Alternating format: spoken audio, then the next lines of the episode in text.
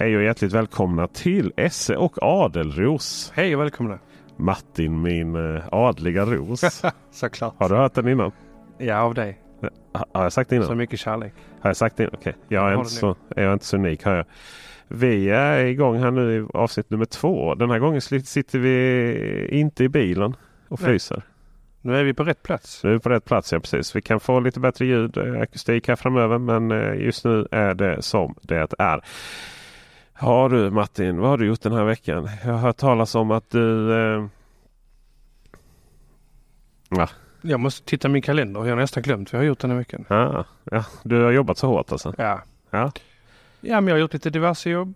Ja, diverse jobb. Jag har eh, bytt ut två DFA-laddboxar Ja. som har lagt av. Det är för power eller? Ja, Oj, av okänd anledning. de bara slutar fungera eller? DFA Death. Det, det är det. Ja, nej men vi vet inte vad det är. Sen har jag lagt golvvärme i mitt badrum som är påbörjat förra veckan. Just det. Eller min praktikant la det mesta. Ja. Så han fick limma sönder fingrarna. Har han eh, uppgraderat sig från att eh, krypa i sån här eh, Ja. stålull till... Eh, har nej, inte stålull heter det. Vad heter Nej, lösull. Lösull, ja precis. Ja. Mm. Klias gör det oavsett. Till att få lim på fingrarna istället. Ja, han fick lära sig den hårda vägen. det, det bränns. Sen har jag satt sex stycken Easy Light Ja. stolpe. Easy Charge Light. Till Easy och med. Charge Light. de. Ja, Nej, inte, jo det heter de. ja det heter de. Ja, det heter de. det är för- förvirring. Sex Ja. stycken. Sex stycken Ja. på sex stycken enskilda elmätare Mm. eh, till en liten BRF i Höllviken. Och jag ska faktiskt dit idag efter detta här och eh, få igång lastbalanserarna. För eh, du hade fått för dig att eh, man skulle slippa trådlöst nätverk på den. Ja, jag ville minnas att de funkar över radiolänk. Mm. Men de kräver fortfarande wifi. Så att eh, jag fick tips av en god vän till oss, befintlig kund till mig, Kristoffer. Att skaffa en TP-Link R200 vill jag tro den heter. Ja. Som är en, eh, egentligen extender. Men man kan köra den utan internet. Så, Via elnätet va? Ja, som ett lokalt wifi. Ja. Så det ska jag fixa idag. Så att man kan skicka fakturan. Så equalizern, eh, just det du vill ha iväg fakturan. Men equalizern eh, behöver inte nätverk alltså mer än att den eh, har anslutning till laddboxen. Ja, helt rätt. Men laddboxen kan ju bara vara uppkopplad på ett nätverk. Ja. Och- Men de får, de får dela nätverk då, alla sex. Just det. Det bör inte spela någon roll tror jag. För de behöver uppkoppla till molnet. Ja, men det gör de via 4G. Kan den vara uppkopplad på trådlöst nätverk och 4G samtidigt? Här har vi en spännande, en spännande utmaning. De behöver inte vara uppkopplade till molnet, nej. Nej. Kunden kan ju köra dem via blåtand. Mm. Men vad gör en BRF liksom i, i det här? Eh, Det här är ju spännande för BRF är ju, eh, det finns ju inget rätt och fel där ju. När det kommer till eh, hur det, parkeringen ska betalas, Mm. Elen och så. Men i detta fallet skulle de gå till sex stycken separata elmätare. Ja. Vilket betyder då att de betalar sin egen el ja, helt rätt. själva. Och det är det, då är det en liten förening med sex stycken. Ja, det är en liten förening. De vill inte ha någon kostnad på Nej. någon, eh, på någon molnbaserad betalsystem utan de kör det enkelt. Som att vi vore hemma hos dig i din villa. Fast sex villor bredvid varandra. Ja. Sex, ja, så jag tänkte en som ägde sex villor. Ja. Men, eh, och det blev Easy Charge Light för att Eh, För att eh, de vill helt enkelt veta vilken ska vi ha? De fick tre offerter. DEFA Power, Easy Charge Light och eh, Zaptec. Subtech Go eller? Sen fick de, så vill de veta vad är pros och cons på dessa. Ja. Och det fick de rakt upp och ner utan någon eh, bypass eller bias från min sida. Bypass! Bias. ja. Och då valde de eh, Easy Charge Light. mm. Det är ju rätt intressant där för jag tycker det är så tydliga Det finns de tre laddboxarna är nästan det som gäller nu. Mm, det vill jag tro. De är inom någonstans rätt priskategori och, och de Mm. har lite olika fördelar. Eh, sådär. Till exempel Wallboxen också. Wallboxen naturligtvis. Ja, Pulsar Max är det numera? Maxen ja. Ja. Mm. Eh, plus och max är en sån här eh, som eh, jag, jag ville verkligen förstå skillnaden mellan de där två. Då. Mm. Eh, och det hade ju de svårt att förklara för mig som slutkonsument. Det är Ja. ingen större skillnad. Medan max är enklare att installera för dig som elektriker. Oh, ja. Eh, givet då att det kanske då blir lite billigare för mig som slutkund. Då. Mm. Eh, men sen när jag såg de här bredvid varandra så Maxen är ju matt finish. Den ser ju mycket mer vädertålig ut och känns ju mycket mer så här. Ja men det känns mer rejäl. Oh, ja. Medan. Pulsar Plus den blir ju repig bara man så här högblank plast. Den blir ju repig bara man tittar på den. Exakt. Ja. Helt rätt. För det är ju precis som du säger.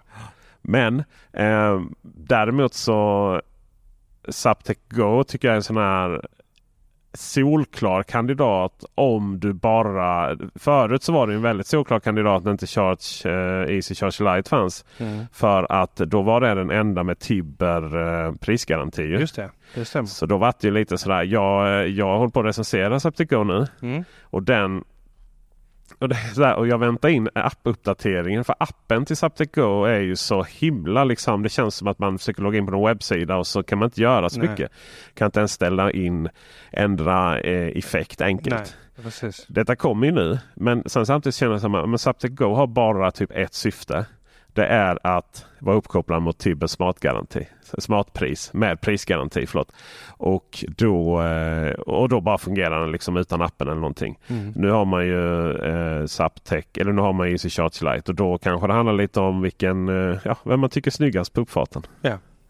Men där är ju faktiskt också möjlighet att styra Zaptec Go. De har också öppet eh, eh, OCCP. Så det det. är ju, jag har installerat till en annan liknande e-fuel, samma tjänst, Mm. där kunden har köpt via dem. Och då är den uppkopplad i deras moln. Efuel har en egen, eh, egen portal då för att hantera. Ja, men inte nu längre. Den har ju... Nej. Nej. Det är så att de vill inte det längre. E-fuel har ju varit en eh, distributör Ja, och en leadsgenerator som har haft egna kunder som jag har fått bland annat då. Ja. Men de vill inte ha det längre utan de vill bara köra distributionen och supporten. Så då har de ingen eh, administration. Nej, deras eh, molntjänst i sitt... I sitt... Nej vänta vad heter den? E-fuel charge tror jag den hette. Om jag inte minns fel. Den har de, eh, vad ska man säga, överlåtit till Vatif. Okej. Och Vatif är ju då de också jobbar med som tar hela installationskostnaden. De investerar ju i stora, eller vad ska vi säga, plus sex laddbox-installationer. Ah, okej. De jobbar inte med små saker. Nej, men då tar de hela investeringen Ja, mot att de i sin tur tjänar pengar på kilowatten. just det. Så att om, om eh, vi säger att du vill ha sex laddboxar eh, hos ja, ditt företag eller förening eller vad det är. Så kan de bekosta hela installationen. Och- då betalar du bara för per kilowattimme när du laddar. eh, Alltså själva elen samt en massa tillägg då. Ja, det finns två sätt. Det ena är att vi använder din befintliga mätare. Då får du tillbaka kickback på det som är förbrukat plus en förtjänst. Eller så Vem får, vem får kickbacken sa du? du som fastighetsägare. Okej. Så du har ett påslag som du tjänar på ändå. Och sen så tjänar Vatif lite grann också. Just det. Och så får, eh, sen är ju vad är fastighetsägare här? Eh, Då låter det som att det passar bra till exempel till en hyresfastighetsägare.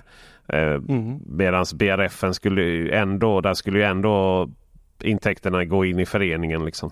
Och där vill man kanske inte ha för höga kostnader per. Nej, och sen i del två det är att Vatif gör ett helt nytt elabonnemang. Ja. Så då är det egentligen bara en hyra man betalar ut för platsen. Så vinningen för fastighetsägaren är ju då att de kan erbjuda laddplatser och att de kanske tjänar en liten, liten, något öre. Men, jo, men inget så eh, att de tjänar mycket på det. Men i gengäld slipper de ju investera i det. Så det är två sidor på den, eh, den, det upplägget. Men Så där har ju då E-fuel nu gett, gett och gett, överlåtit sina 2000 plus laddpunkter till Vatif. okej. What if eh, stavas det W-A-T-T? Ja, Watt. Naturligtvis ja. What if. Det är mycket sådana roliga Mm. namn nu. Med, Det vill jag säga. ja. Nej men så det är en rätt schysst eh, partner de där. De har ju för övrigt tagit in eh, investeringsrundor, två stycken.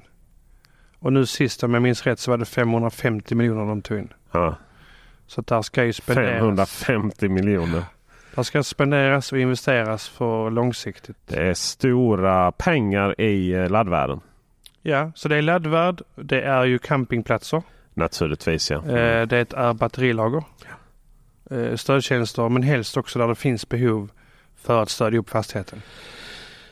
Just eh, campingplatser är ju ett sånt där område som knappt har påbörjats. Nej. De har ju eh, säga, de har ju laddplatser. De har ju strömplatser snarare då Ja. i, eh, på, på varenda del. Och där så kopplar du då in antingen husbilen eller husvagnen. Mm. Vad är det man kopplar in mot som man ska driva där? Det är ju främst är det ju värmen. Det är golvvärmen. Sen är det ju vanlig belysning. Du har ju gasolen som du har normalt till, till matlagningen. Ja. Men eh, oftast så, ja AC'n också om du har det. Oftast har du bara 6 ampere eller 10 ampere enfas. Okej, då förstår jag verkligen varför man Så eh, har gas. problem. Säkringarna smäller ju, alltså det är väldigt ofta. Ja. Så de näten, det är ju någonting så. När de en gång gjorde den här campingplatsen med x antal hundra platser. Då var ju förmodligen kommunen med och investerade i detta. Ja. Nu är ju det så att det kostar ju fruktansvärda pengar att uppgradera. Men vad sa du? 6 ampere? 6 ampere, vissa har 6 ampere. Enfas? Enfas. Men det är ju typ 1,4 kilowatt. Ja, vissa har det. Så du kan inte köra AC, ingenting. Nej. Det är väldigt begränsat. Och de har inte råd att bygga ut. Det kostar ju så jävla mycket. Just det. Och Så där är, sen ju- ja, men där är en sån grej. Där kan Vattif komma in, eller jag och Vattif. Ja. Ofta jag jagar ju på och trycker på och försöker hitta de här jobben också. Och kunna erbjuda att eh, här kan ni få de här x antal hundra platserna uppgraderade mot att vi sköter hela debiteringen. Ni slipper det. Vi investerar i det. Men ni tjänar ingenting på elen. Men ni kan erbjuda kunderna en bättre förutsättning. Men då måste, men då, då blir själva el då när de ansluter dit. Ja. Eller du, du har ju husvagn. Hus, eh, Ja. Då blir det ett annat betalabonnemang. Då ingår det inte i själva campinghyran. Då, Mm. Nej. Utan det blir hela tiden externt. Då. Mm. Eh, och ett sätt att aktivera den här. Precis. Och det är också, det blir minimal ansträngning för de som har campingen. Ja, för det går ju inte. Herregud, ska du. Men vad kan du? eh, Kan man prata med alltså att det går att dra fram trefas till alla campingplatser? Det blir ju ett. Det blir ju en, eh, ett total elabonnemang som som kräver eget vattenkraft nästan. Ja, men nej det blir så här. Du har ju inte trefas till husvagnarna. Det är bara en fas. Jag tänkte om man sen ville ladda bilen också. Ja, Ja. ja. men det, det kommer, upplägget blir förmodligen så här. Ehm, några snabbladdare utanför. Så att även allmänheten kan ha tillträde. Alltså utanför bommen. Mm. Sen kan det bli några laddplatser inne i campingområdet. Och då behöver inte de ligga längst inne. Utan de kan ju ligga någonstans i närheten av ingången. Eh, och då kan det bli så att du kör in och sätter din vagn. Kör tillbaka och ställer dig på laddplatsen. Där får du stå en timme, två och ladda upp. Sen kan du köra och parkera bilen igen. Det- Typ så. Det går, ja, frågan är ju i och med att många bilar levereras ju redan nu med vehicle to load då. Alltså det Mm. vill säga att trefas men, eller enfas menar jag. Eh, tjockuttag. Men det kan vara upp till 4 kilowatt såg jag på Kia EV9. Mm. Och eh, så då kan ju bilen leverera mer effekt än vad campingplatsen kan göra. Långt mer. Och Mm. dessutom då eh, om eh, om nu det kommer eh, trefas, varför man nu skulle ha det. I, det finns egentligen ingen anledning att ha det. Kanske för Nej, det finns ingen anledning att ha det i husbilen. Men eh, nu kommer ju även bilar som kan leverera ut trefas också Mm. via laddporten då. Till eh, eh, alltså som har egen växel, eh, inte likriktad, Inverter. växelriktare. Eh, som Ja, inverter säger man ju. inverter. Ja, jag brukar få skäll när jag säger inverter för det är inget svenskt ord. Skit i det. Okej, okej, vi skiter i det här. Alltså det är egentligen det rätta namnet. Den inverterar ju strömmen. Ja, det gör det ju. Det Onekligen. eh, Men det vore ju drömscenariot Ja. som jag hade som har stor tungvagn. Ja. Om jag kunde haft en elbil. Nu finns det ingen. Jo, där fanns ju... Vilken var det som du precis recenserade? Nej men det var ju Kia EV9. Kia är ju, EV9. du, du får ju dra din baluns Ja. till husvagn. Ja. Till exempel om Ja. jag har ett fulladdat batteri och kör och kan sen driva min husvagn ifrån bilen. Det är ju rätt nice. det är ju ändå 100 kilowattimmar batteri i den Mm. bilen. Det är rätt många. Det, är, rätt mycket. liksom, det kan ju du dra din eh, lilla tv på husvagnen Ja, ja, länge. Liksom. Det är hur bra som helst. Ja. Då kan det vara off-grid på riktigt. Det kan det ju dessutom vara. Ju. Du kan ju ställa lite vad du vill då. Eh, givet att man följer gängse regler, uppställningsplatser och så vidare. Jag har aldrig sett så mycket skyltar om att här får man absolut inte campa på badplatser och överallt nästan. Det, men det har ju varit kaos Ja, när covid kom ja, och folk rusade till husbilens, husbilsaffärerna och, och köpte allt vad det var. ja. Jag minns ju, vi köpte vår första vagn på fritidscenter i... Eh, var köpte vi den? Jag kommer inte ihåg. Fritidscenter säger vi bara. Eh, när vi skulle byta vagn. Då var de inte ens intresserade i ett bra pris på inbytesvagnen. Och vet du varför? De hade sålt, så- de hade sålt rekord. De hade sålt mer husvagnar och husbilar de första sex månaderna i året än vad de gjort typ föregående två år. Ja. Så de, de, de sa liksom nej, vi, varför ska vi betala bra för din inbytesvagn?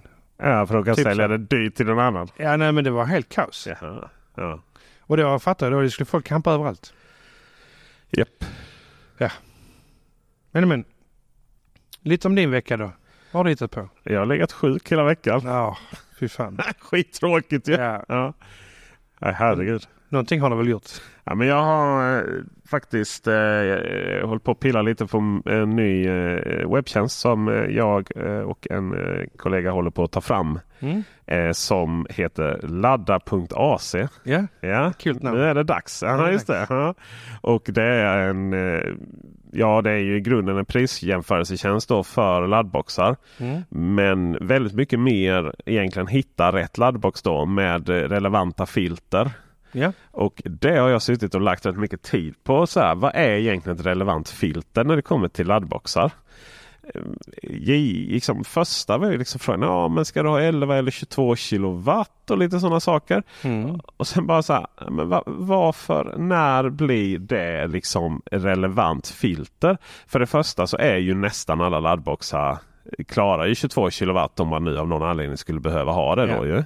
Eh, Utan, förutom då Easy Charge Lite som ju har dratt ner den rent, Mm. eh, vad ska man säga, artificiellt, artificiellt så att säga. ja. Eh, det kommer ju Core här nu som klarar 22 kilowatt också. Jag hade nog 14 kilowatt laddbox också. Ja, Laddbox. just, ja. Ja. Um, Citec Nur Go klarar inte heller det och några andra så. Men eh, det är så här, nej det tyckte inte jag alls var ett relevant filter. Så vet du vad den första frågan är nu? När vill du ha installationen gjord? Nej den eh, fi- filtrerar vi inte på. Det, det får de ta med. Eh, ta första med. frågan. första filtret liksom. Första filtret. Ehm, vad har du för huvudsäkring? Nej inget sånt i och med att vi Mm. Det, jag kan säga så här att eh, huruvida man eh, eh, vill ha eh, 11 eller 22 kilowatt. Då måste man faktiskt trycka på visa avancerade filter. Okej. Och så ligger faktiskt effekt där någonstans bredvid vilken OCPP man vill ha. Och eh, om, du vill, om, du, om den ska vara förberedd för Vehicle to Grid då via AC, Plug-in Charge, eh, debiteringslösning och mid- midenergimätare. Nej, jag får nog hjälpa dig på tråden. Ja. Första frågan är, och detta är alltså baserat på vad jag tycker är mest relevant. Mm. Hur lång kabel vill du ha? Eller Ja. vill du inte ha någon kabel? Det är sant. Ja. Laddkabel. Så eh, ingen kabel då. Så då kommer ju bara då kommer ju till exempel Zaptec Go, Easy Shots Lite och dem. Mm. Men eh, om man till exempel vill ha 7 meter så har du ju eh, Pulsar Max. Vi har ju DFA Power där någonstans också ju. Den är 6 meter, ja just det. Ja. Eh, Så får vi se. Den bör nog vara en sån här slider istället då så man kan få inom ett visst spann och så. Mm. Men sen nästa fråga är ju internetanslutning då. För då har vi ju det här om, eh, ja men har jag wifi ute? Det kan vara inte säkert vi har det Nej. i... eh, Helt rätt. Det så- missar många faktiskt. Ja. Prisstyrning är ju såna grejer. Då, då är frågan inbyggd Eco Mode. Det är till exempel det DFA Power har. Att du i eh, appen kan säga Vill du, eh, du, jag vill bara ladda de sex billigaste timmarna. Då. Ja, exakt. Eh, sen är det då Tibber smartladdning och Tibber smartladdning med prisgaranti. Då. Eh, och eh, just om man tar då Tibber smartladdning så kommer ju ett gäng upp. Du, du har ju vad heter det, Wallbox till exempel. Du har Mm. Charge Amps. Men väljer vi Tibber smartladdning med prisgaranti då är det bara eh, Zaptec Go och Easy Charge Lite som dyker upp. Då. Just det. Nästa fråga är effektvakt och hur man då ansluter den. Trådlöst via wifi, kabel via ethernet, kabel Mm. till laddbox finns ju den. Eh, där man ibland bara drar Mm. en lång kabel. Så som eh, även där kan vi nämna SAP, eh, Wallbox. Finns det något alternativ? Nu tänker jag om man surfar in där som icke tekniskt kunnig Ja. eh, och inte förstår. Är det, något, är det något man kan välja? Jag vet inte eller? Eh, Nej, då, eh, du behöver inte välja. Okej. Du kan ju bara köpa den billigaste. Är det någon eh, sån eh, vad är detta? Kommer. Beskrivning. Kommer. En annan intressant grej är ju garanti. Ja. För om vi trycker fem år så får vi till exempel Zaptec Go och Zaptec Pro. Mm. Trycker vi fyra år, eh, trycker vi tre år så har vi lite Easy Charge Lite. Vi har ChargeAmp Dawn, Charge, ChargeAmp Hour. Två år så kommer vi faktiskt ner till C-Tech. Ja. De har bara två år på sina grejer. Vilket är intressant för Charge, eh, C-Tech Charge som Connected 2 är inget, det, det är inte den billigaste boxen här vi har direkt. Nej det är det inte. Färg är inte helt oviktigt kanske. Och sen kommer Mm. övriga funktioner då, eh, såsom flyttbar, alltså via CE-kontakt. Vi har Mm. om den har webbportal, lastbalansering mellan boxar av samma märke till exempel Ja. som är rätt vanligt men är rätt inte, inte helt självklart. DFA Power har det ännu inte. Sådana här saker som stödjer en, en, en, Enegic. Enegic. En, jag kan inte ens Ja, uttala det. Energic. Det går inte när man är förkyld. Du kan inte böja det ordet. Men du vet Monitor. om att det är en prenumer- prenumerationstjänst? Yes, därav att den är lite Ja, eh, egen då. Godkänd inbyggd jordfelsbrytare har vi. ja det är Ja, bra. Vilket det är är spännande för då är det inte så många som kommer upp när det står godkänd inbyggd jordbruksbrytare. Den eh, måste Godkänd av vem? godkänd av eh, gängse standarder. ja. Vi får väl se här nu. Det är väldigt nära att eh, väldigt, väldigt nära showdown här mellan eh, Elsäkerhetsverket och Easy nu. Ja. De har ju eh, faktiskt eh, skickat in svar. De har inte skickat in svar på det de skulle skicka in. Nej. Eh, däremot har de skickat in en uppdaterad tidsplan. Att de begär lite mer tid och så här. Så att vi får se vad som händer där. Det som vi nu ska komma in på är ju att vi har ju pratat lite förra veckan om det här med en jordfelsbrytare per laddpunkt. Mm. Och varför det då skulle behövas. Och vi har väl till slut kommit fram till att det handlar inte om elsäkerhet. Nej, det gör det inte. Det handlar om driftsäkerhet. Helt rätt. Och vad är det då för driftsäkerhet som det handlar om? Det handlar ju om att man vill ju inte att några andra laster ska påverkas om den jordfelsbrytaren löser ut. Kylskåpet ska inte... Kylskåpet till exempel. Nej. Det är ju en sån vital grej. Ja. Så det är mest det det handlar om. Och sen är det ju åt andra hållet också ju. Att eh, du, du vill inte, eller den här standardisering, eh, svensk elstandard då, eh, handlar det om ju, vilken eh, bok är det nu? 444? 446 va? Är det? Ja. Eller 448? Jag tror inte vi, tur att vi inte har eh, prov på den. Jag är så kass på sånt. Utgåva två är det. Just det, nej, nej, ja. nej, men vi kan konstatera att eh, tanken då bakom handlar ju om att om du har flera jordfelsbryt, om du, förlåt, om du har flera laddboxar Mm. så handlar det då inte heller om att någon ska dra ner eh, frysen full med kött. Nej. Utan det handlar också om att om en box drar ner så ska eh, eventuellt andra bilar som laddar på andra boxar inte sluta ladda.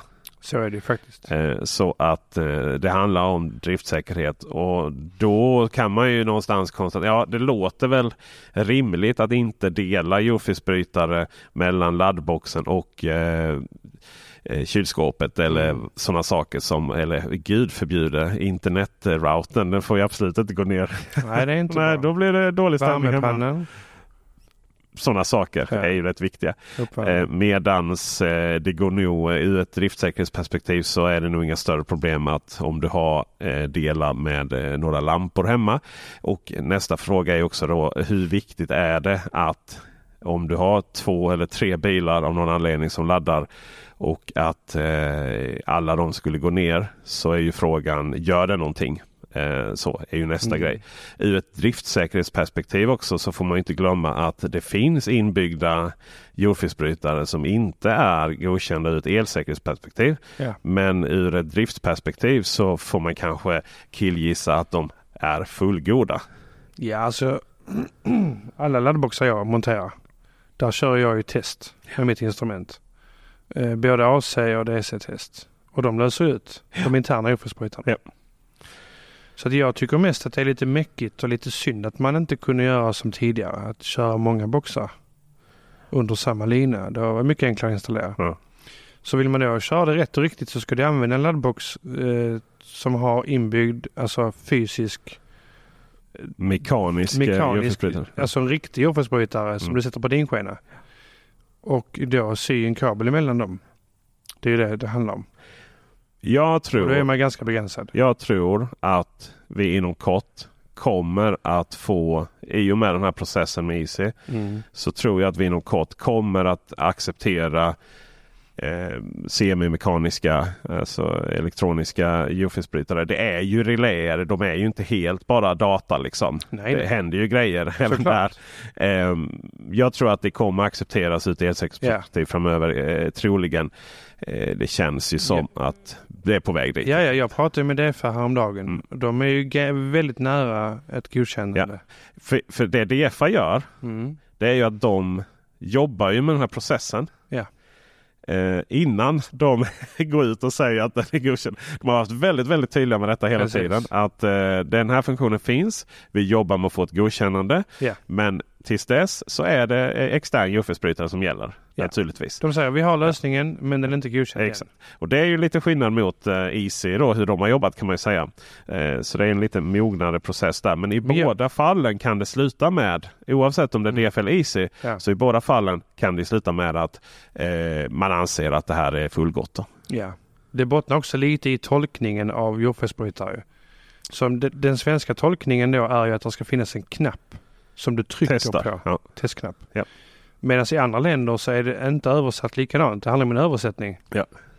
Där det ska finnas en motsvarande då men inte att det behöver finnas en knapp du trycker på. Nej.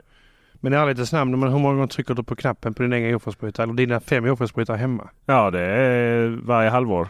Ja, exakt. Helt rätt. Helt, helt om man då ska tro Easy till exempel så gör ju den självtest efter varje laddning. Ja, men. Ja, men. Ehm, så att Eh, säga.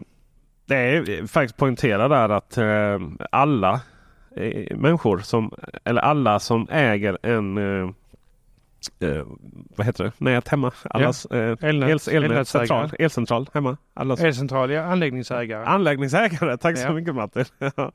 har ju skyldighet att ha en plan för eh, sin goda elsäkerhet hemma. ja, så är det. Och eh, det inkluderar ju allra minst att testa sina jordfelsbrytare varje halvår. Helt rätt. Om du är företagare så Mm. ska ju den finnas nedskriven också. Ja. Eh, så här, här på eh, min studio som vi sitter i nu Mm. eh, så ska ju du och jag gå igenom eh, hur vi testar god elsäkerhet här framöver naturligtvis. Eh, vilket inkluderar att eh, testa jordfelsbrytarna. En väldigt intressant sak det Mm. är att Tesla Wall Connector version 3 tror jag vi är uppe i nu. Ja, Gen 3 heter den va? Ja, något sånt va? Ja. Mm. Den eh, har så vitt jag vet ingen möjlighet att testa eh, jordfelsbrytaren, eh, den inbyggda. Nej, det är en dum box. Nej, du, den är uppkopplad. Okej, men det är fortfarande en dum box. Eh, Hur definierar vi dumma boxar? Det är ingen smart de slår. Ja, smart är den väl? Är den? Alltså, den, du kan styra den mappen. Mhm. Numera. Den har ju förut så kunde du inte styra den mappen. Nej, du var ju tvungen att köra. Den gjorde ju en, en wifi-anslutning när du var nära den. Mm. Då såg du in på en, en sida där du kunde göra inställningar. Okej. Det, Det var, det var en dum box liksom. Ja. Eh, att, Jag har faktiskt inte installerat den senaste varianten. Nej. Så jag, jag, Nej, inte, jag nej, den uttala senaste varianten var ju, jag vet inte exakt hur den var när du ska installera den och ställa in och sådana saker. Men eh, den baserades ju på att alla hade Teslor. Okej. Och i Teslan så, så kan du ju ställa in eh, strömst- strömstyrka själv. Mm. Och schemalägga och allting sånt själv. Ja. Eh, men Tesla vill ju sälja sina grejer till andra nu också. Jaha. Så det kom en uppdatering till, eh, till eh, ja, appen var det väl då framförallt. Tesla-appen. Mm. Som gjorde att du helt plötsligt fick då upp kontroller för den här laddboxen. Mhm. Så att du kunde ställa in och schemalägga och ställa in strömstyrka via Tesla-appen. Om du inte då har en Tesla-bil. Just det. Eh, I den här appen, eh, eller varken fysiskt på laddboxen eller via appen eller via Tesla-bilen. Så vitt jag vet så finns det någon eh, möjlighet att testa jordfelsbrytaren på denna laddare. Mm. Eh, så eh, nu vet jag att norska elsäkerhetsverket eh, som heter någonting helt annat Ja. än så, men eh, motsvarigheten. De har med den i sitt sin marknadskontroll. Det ska bli oerhört spännande att se vad de kommer fram till. Intressant. Annars har vi ytterligare en liten laddbox eh, kalabalik framöver. Alltså jag har mest hängt upp mig på varför, varför vill man ha en Tesla laddbox om man inte har en Tesla? Eh, det är ju en, en ja, dels att den kostar. Nu kan vi kolla på ladda.ac här till exempel. Då. Ja. Där, alltså, allt jag gör kommer vara reklam för den här webbsidan. Den kostar ju rätt. Det är 5 000 6 000 kronor. Ja, det är inte så farligt. Eh, Men det är kanske så om man kör förbi någon som har en sån på uppfarten ja. Och sen står de och laddar en Kia. Så kanske man tänker okej. Var ambitionen att äga en Tesla men plånboken räckte inte eller? Ja, nej men det som är fördelen då är ju också om du bara har en eh, Tesla då handlar det om. Det är ju att du har ju en knapp på Ja, Ja. Tesla-knappen. Tesla-knappen. Ja. Och då, men grejen är att jag trycker bara till med laddkabeln så trycker jag bara på porten. Mhm. Eh, så att jag behöver inte köra två handsmanöver. En annan grej som är otroligt dumt med Tesla Wall Connector är att det finns ju ingen eh, effektvakt Just det. överhuvudtaget. Ingenting alls nej. Det stämmer. Däremot så eh, lastbalanserar den ju om du har flera Tesla-laddare. Det är ju, Mm. det är ju, Tesla-ägarna är ju väldigt, väldigt, väldigt, väldigt eh, snabba med att säga att den lastbalanserar visst. Men då om du har flera Tesla-laddboxar. Eh, vilket är också jävligt roligt för det är bara Tesla-ägare som har typ två eller fler Tesla-bilar. Ja. Det är väldigt sällan man har två bilar av samma varumärke om man inte är Tesla. Sådär, det brukar ju vara liksom, du har din Volvo och sen har du din Renault Zoe eller någonting. Liksom. Ja, nej, nej, man, vill- man vill ha en trygg familjebil. Och sen har man en ny rolig elbil. ja. Men ofta är det så. Ja, så är det. Ja. Eller en mindre pendlarbil. Ja. Nej, nej. Det, det, det Tesla-människorna de, de, det duger inte med ändå. Så då är de väldigt snabba på det. Och så säger de också att man kan, ja men eh, du vet värmen har vi effektvakt på istället. Okej, Mm. men det är tur att du får ladda dina Tesla-bilar men ungarna får frysa. De får gå ut i bilen helt enkelt. Vi ska prata lite om eh, Joffisbrytare. Är Joffisbrytare ett bra namn? är någonting som elinstallatören tog upp här nu 15 november. Mm. Eh, borde det inte heta Läckströmbrytare istället för Jofisbrytare? Just det. Ja du, vad är, varför heter det jordfelsbrytare? Varför heter det det? Jag tror att det är en översättning. Som eh, har bara blivit så. Och den har hetat så sedan den kom. Ja, Så, men egentligen om vi hårdrar det här så är det ju ingen... Det är ingen... Eh, övervakningen är ju inte över jord, eh, jordkabeln. Den är ju över neutralledaren. Och jordfelsbrytaren är uppbyggd så att den, den summerar ju alla laster som går igenom den. De ska komma tillbaka, summa summarum. Är det någonting som fattas, är det läckage, då löser jordfelsbrytaren ut. För då finns det bara ett sätt där strömmen tar vägen, då är det genom jorden. Och eh, antas gå genom en människa då, ja, som har ett motstånd. Så att går det ut eh, en viss summa ström ska det komma tillbaka exakt summa. Gör det inte det löser den ut.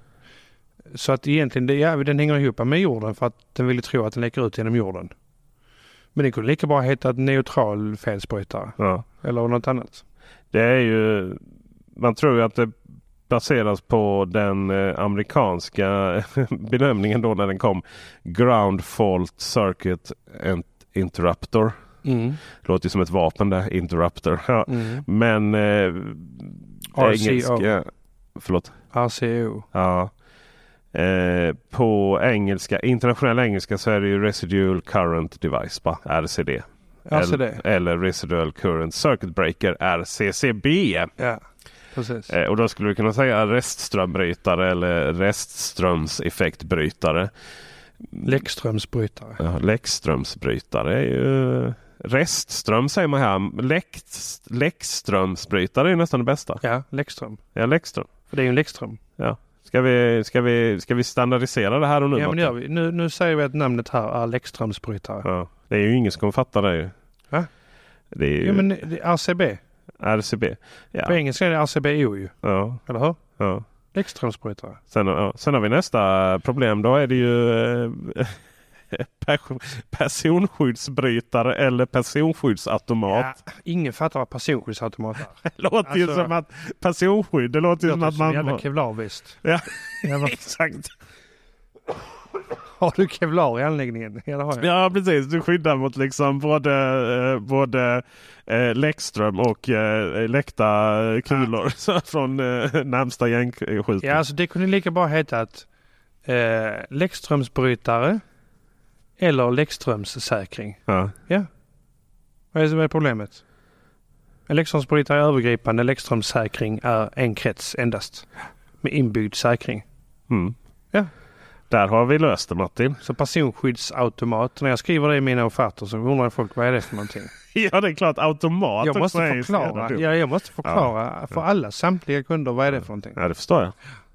Vi har gjort video om det också. Den ska ut snart. Mm. Du, ehm, du är ju kärnkraftsvurmare av rang. Ja, Men det måste man nästan... Är, är, är, inte, är inte det lite ty, typiskt för ehm, elektriker i det här landet? Som har kollat lite för mycket på Youtube. Jo, vi, vi känner ju till läget. Vi vet ju Ja. hur skevt det är. Mm. Det Hur skevt är det då Martin? Det är så skevt så att det här är det sjuka. Nu planerar man ju för storskaliga anläggningar med sol och vind. För att våra forsar är mättade. Där är liksom ingen, där är vattenkraftverken är nådd. Så nu vill man alltså sätta upp mega, mega stora solparker.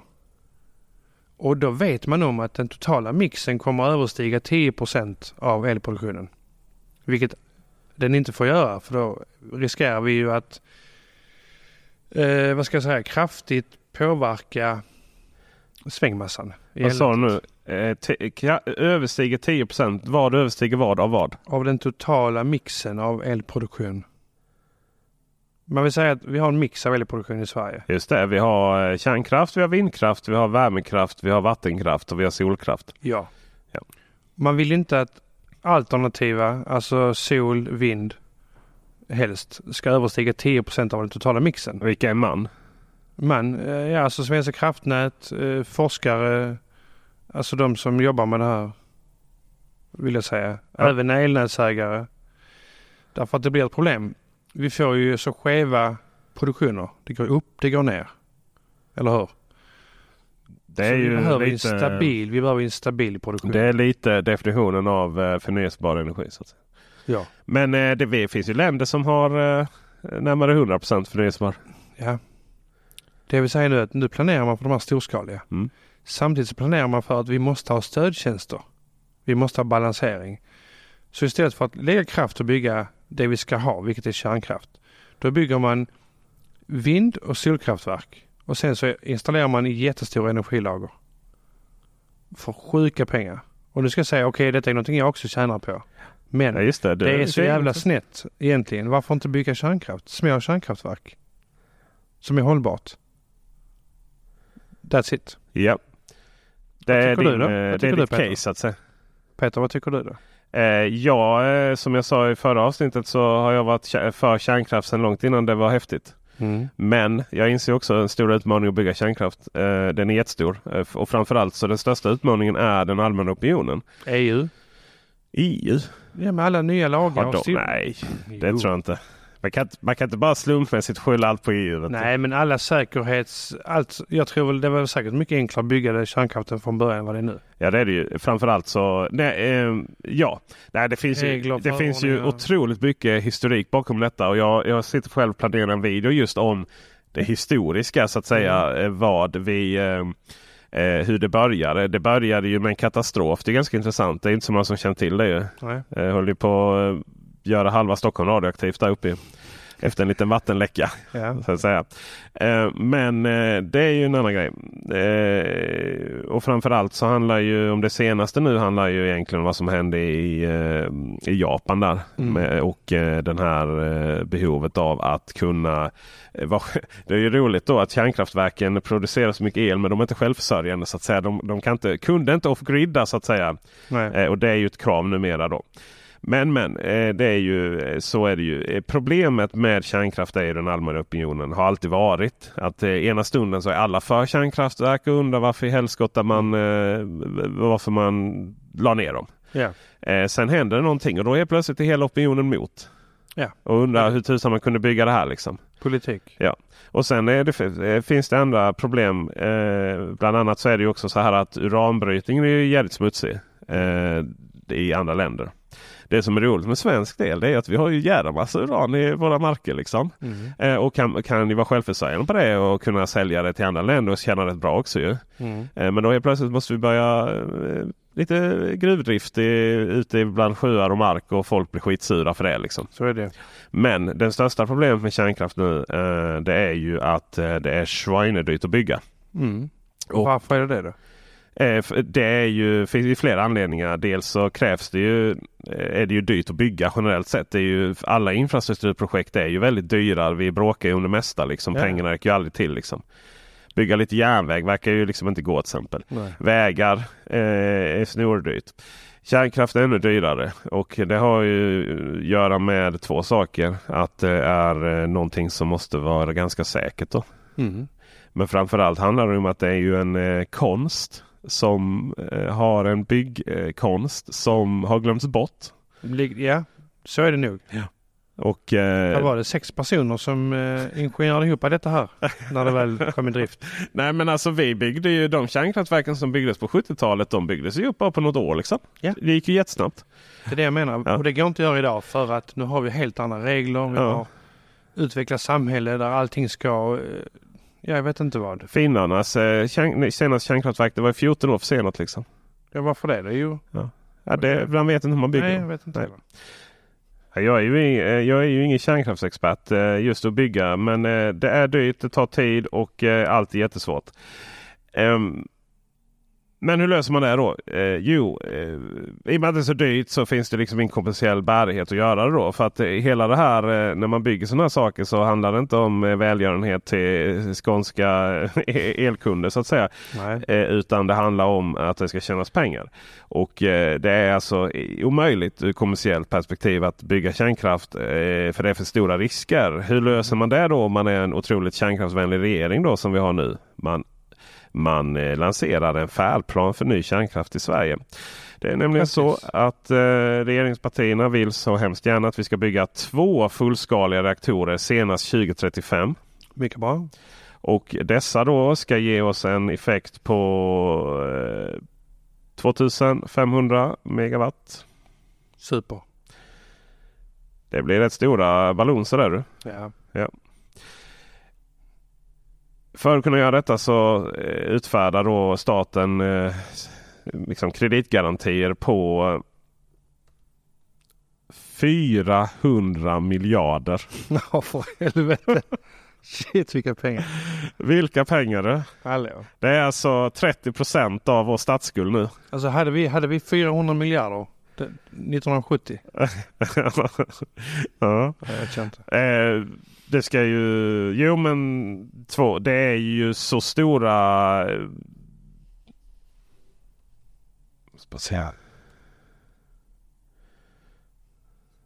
Oskarshamn 3.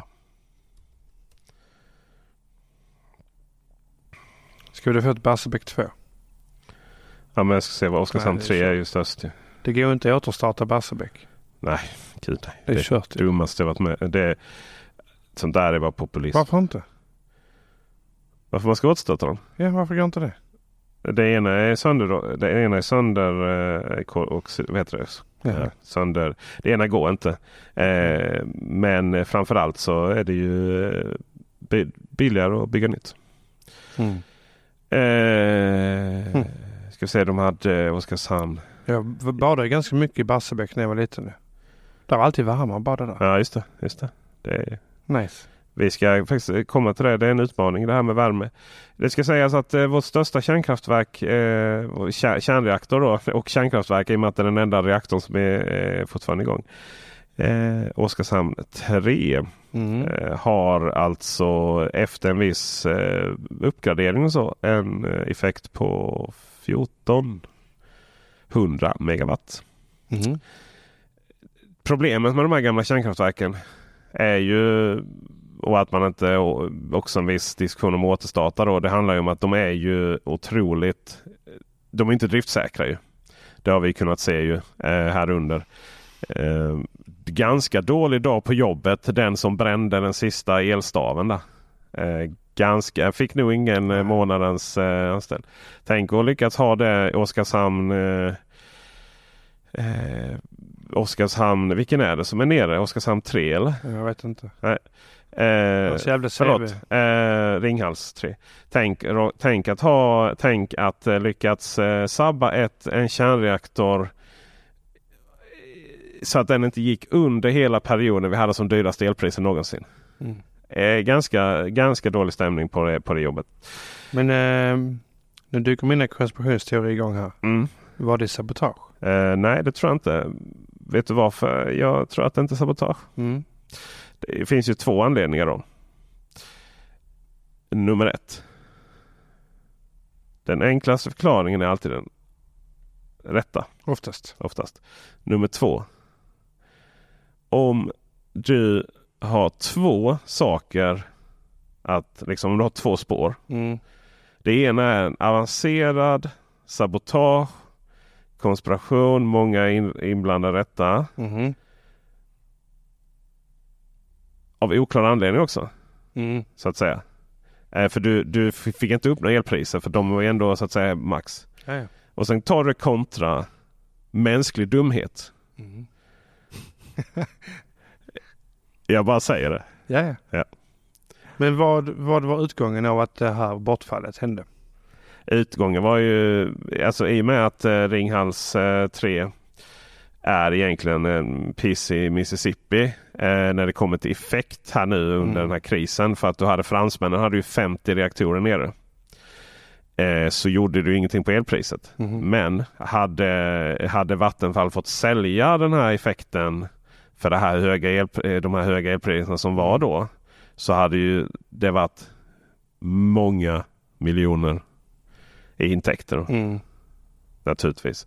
Så det fanns ju ingen som, det fanns ju ingen som eh, det fanns ju ingen som tjänade någonting på det. Liksom. Nej, nej. Men det fanns någon som förlorade någonting på det. Ja, det var ju många som, ja Vattenfall förlorade. Ja. Kanske någon fiende till Vattenfall. Ja. Ja. vi testar och ser vad som händer om vi sabbar Ja, denna här du, staden. tänk, du tänk, ja, det, Man vet ju aldrig. vi, vi, ja, eh, utmanande tanke så att säga. Ja, men man vet ju aldrig liksom. Men. Jag kan ju tänka på de som jobbar där. Det finns ju bättre sätt att... Ja, men det är inte kleti och pleti som jobbar där. Nej. Det är ändå människor som har en viss säkerhetsclearance och liksom en hjärna till att klara av det yrket. Ja. Det är ändå mycket att hålla koll på. Och det kan ju, jag har ändå rätt svårt att tro att de hade en så jävla dålig dag bara ups. De har ju haft... Visst, det kan ju eh, hända alltså. ja. De De har har, ju, utrett det förmodligen. de har ju utrett det och, Ja. och så. Eh, framförallt så... Eh, framförallt så... Eh, Ringhals har ju varit under tvångsvård, eh, höll jag på att säga. Eh, för att eh, prob- det andra problemet med kärnkraften är ju att eh, kärnkraften är ju både otroligt säker Mm. men om det något skulle hända så är det ju en katastrof utan dess like. Oh ja, det har vi ju sett tidigare. Just det. Eh, men i och med att, i och med att liksom den är byggd småfel. Liksom. Alltså vindkraft är ju småfel hela tiden. Vattenkraft liksom. De har Mm. massor är med saker att förhålla sig till. Liksom. så, ja. Medan kärnkraften är ju liksom, det, det får inte hända någonting. Och skulle det hända någonting, det, det, krä, alltså det krävs ju bara en liten hicka på, på nät, nätet utanför för att kärnkraften ska tvångsstannas. Liksom. Det kan skapa en viss arrogans kanske. Du vet de sitter Ja. där på natten. Varför skulle det hända i Harrisburg denna natten? Kan Liksom? det vara Ja. ja. Släng på en film. Ja, ja. Så Ringhals, eh, Ringhals har haft eh, problem eh, sådär med, eh, mm, eh, med, med, med eh, liksom inte, inte säkerheten ur ett, ur ett allmänfarligt perspektiv men ur liksom Människorna som processerna jobbar. som, finns. Ja, precis. Arbetsgången. Ja, sådär. Så att, ja. Mm. Ja. Eh, Nej, men jag tror inte det. där har vi, där har vi helt enkelt eh, eh, nu då och sen eh, ska ju Sverige eh, få en massiv kärnkraftsutbyggnad eh, till eh, 2045 då. Mm. Och man pratar om 10 nya storskaliga reaktorer. Det tycker jag är väldigt bra. Och detta är man ju helt unika i världen med då. Eh, Det har byggts någon i fin Finland, det har byggts eh, Storbritannien så ligger man har byggt och är jättesena på det då. Mm. Eh, I USA så har man fått eh, avbryta två stycken eh, byggen helt. Mm. Och två andra är grovt försenade. Ja. Eh, Medan asiaterna är lite snabbare på att bygga. Samtidigt så har de också inte riktigt samma hårda regler. eh, Men med ganska många fler arbetare. Ganska många fler arbetare och eh, sådär. Eh, problemet med allt detta nu det är att eh, det finns ingen bred överenskommelse i denna frågan. Utan man har ju från eh, nuvarande regering inte velat sätta sig ner och göra en bred överenskommelse. Nej. Vilket betyder ju att eh, vid nästa val i händelse av att blir regeringsbyte så Mm. kan ju allt det här då förändras. Hoppas jag fan inte. Vi Nej. måste ha detta. Det- Jag vet ju vad du kommer Vi rösta kan på. inte ha så, ja men självklart. Vi kan inte ha sådana här, eh, vad ska jag säga, så som det är på väg nu. Med elpriser åt helvete. Samtidigt som vi ska elektrifieras som vi håller på med. Men det, det funkar ju inte. Vi måste ju ha en stabil produktion. Och slippa köpa in. Mm. Det är det det handlar om. Samtidigt så har vi ju det här året nu som med dyra elpriser så Sverige har ju aldrig importerat så lite el. Nej.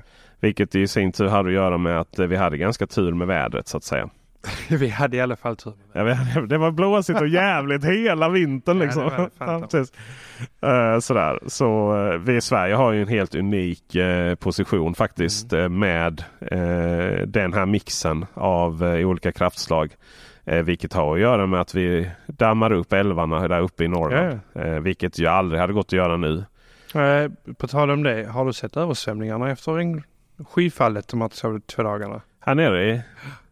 Nej, jag har missat liksom. Alltså Tygesjö, där kom ju, alltså om vi säger allt nu är vi i vatten, Ma- i Malmö, Tygelsjö Malmö. i eh, västra Malmö. Då. Allt vatten österifrån från åkrarna rinner igenom Tygesjö Oj. via befintliga kanalsystem under hela bebyggelsen. Där är ett par eh, ställen där bäcken dyker upp ovan mark och sen så fortsätter det ner mot Klagshamn ut i havet. Eh, Där har locken sprängts av vattentrycket. Shit. Så locken har sprängt. Det står en halv meter vatten som forsar rätt upp. Och vattenfall genom hela, nästan halva byn. Ja. Fortfarande. I, i två dagar nu. Så mycket vatten, mass, vattenmassa har det kommit. Vi eh, hade ju eh, 2014 så hade ju vi en halv meter vatten i källaren. Mm. Det ja, var det är inte det. kul alltså. Nej, det är inte roligt. Men innan vi lämnar det här med energi. Jag vill gärna slå ett slag för det som jag kallar för ö-system. Om du har ett villaområde som ska byggas, 40-50 villor.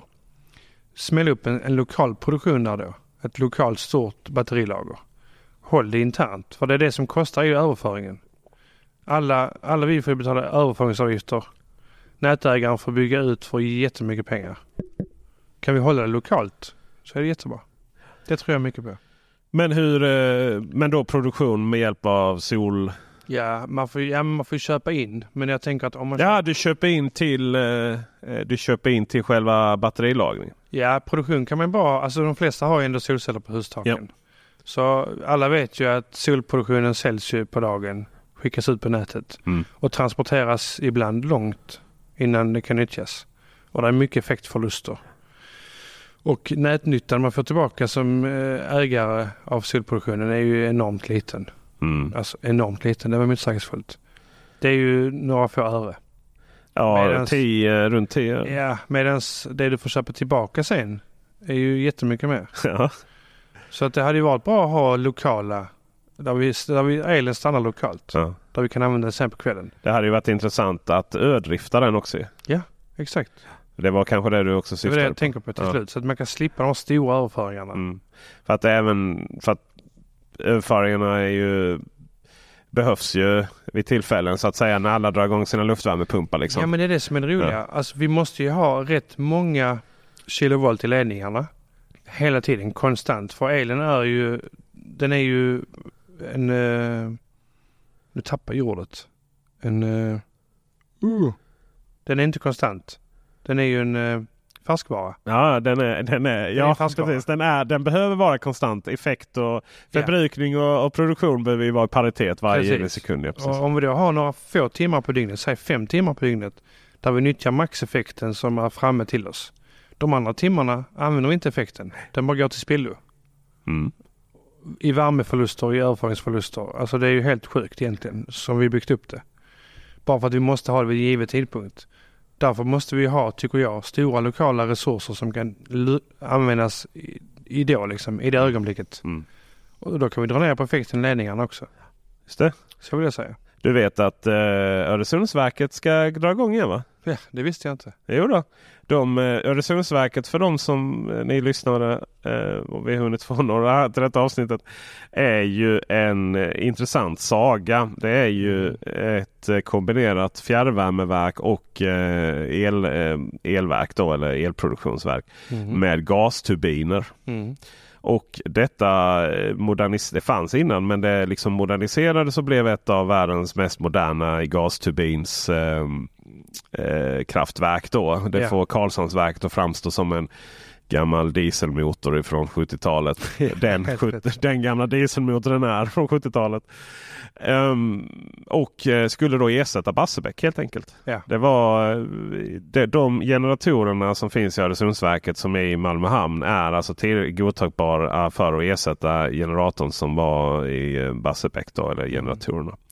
Och därmed få vår svängmassa och så vidare. Mm. Och denna utnyttjades eller nyttjades i två säsonger. Och sen så tyckte Svenska kraftnät att nej, vi har inget behov av det här verket. då. Och eh, sen har det liksom inte behövt användas till någonting och eh, man eh, monterade ju ner det här och sålde till eh. Korea eller någonting. Och istället för det så eldar man olja. Istället för Elman olja då. Men av eh, liksom någon... Men inte för att vi har effektbehov utan för att sälja. Ja, ja, absolut. Men då är det ju helt enkelt så att det är billigare för Juniper att köra Karlshamnsverket än, i, än Öresundsverket så att säga. Av någon Var, men var det inte så att man erbjöd sig att starta upp Öresundsverket igen nu i krisen? Och Svenska kraftnät sa nej. Man eh, erbjöd sig vara en, en, del av effektreserven Ja, eh, till. Mm. Svenska kraftnät och gav en offert eh, till Svenska kraftnät. Men Svenska kraftnät tackade nej då för man tyckte det var för dyrt.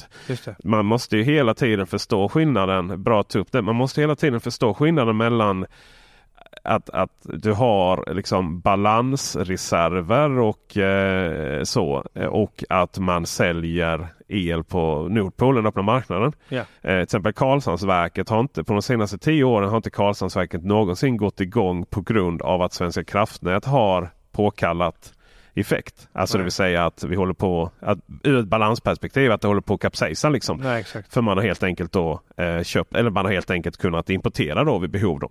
Som man budar på. Som man budar på. Sen så när Karlshamnsverket har gått igång, då är det för att elpriserna i elområde 4 har varit så dyra Mm. så att Juniper helt enkelt tjänar pengar på det. Ja. Det har inte de varit så himla tydliga med. Precis. Utan de har liksom, de har liksom använt ett, en formulering som hela tiden har varit typ att det här är på grund av att vi inte har i, vad man menar i kärnkraft. För att man, Juniper har, i Sverige har haft en, en PR-kampanj för att kunna bygga kärnkraft. Eh, som man ju mycket lyckats med väldigt bra då. Man hade kunnat skriva PR-böcker om det. Det roliga i sammanhanget var ju att vid samma ögonblick som det då helt plötsligt då man lyckas vända opinionen. Inte bara Juniper för att det är ju liksom någonstans eh, varit en kampanj från alla politiska håll så att säga som är Ja. för kärnkraftverk. Det var ju en del av valrörelsen. Mm. Lagom till man lyckades göra det så sa då eh, Junipers nya ägare då, tyska staten, att här blir det minsann ingen kärnkraft byggd i Sverige. Det var ju liksom, man, man gick ju till och med ut från svenska Juniper och sa att nu är det dags och sen Mm. så kom det bara nej nej det här ska inte byggas, det var ett missförstånd. Ja. Eh, sådär. Men eh, så, så, så ligger läget. Så eh, Karlshamnsverket har aldrig gått igång eh, ur ett balansperspektiv men däremot ur ett eh, Nordpolperspektiv. Sen är det ju naturligtvis så att om Karlshamnsverket blir en del av eh, bud, budområdet då, det vill säga att man säljer el. Det är ju för att elen behövs och eh, man levererar den och därför så behöver man inte gå igång med balanskraften då.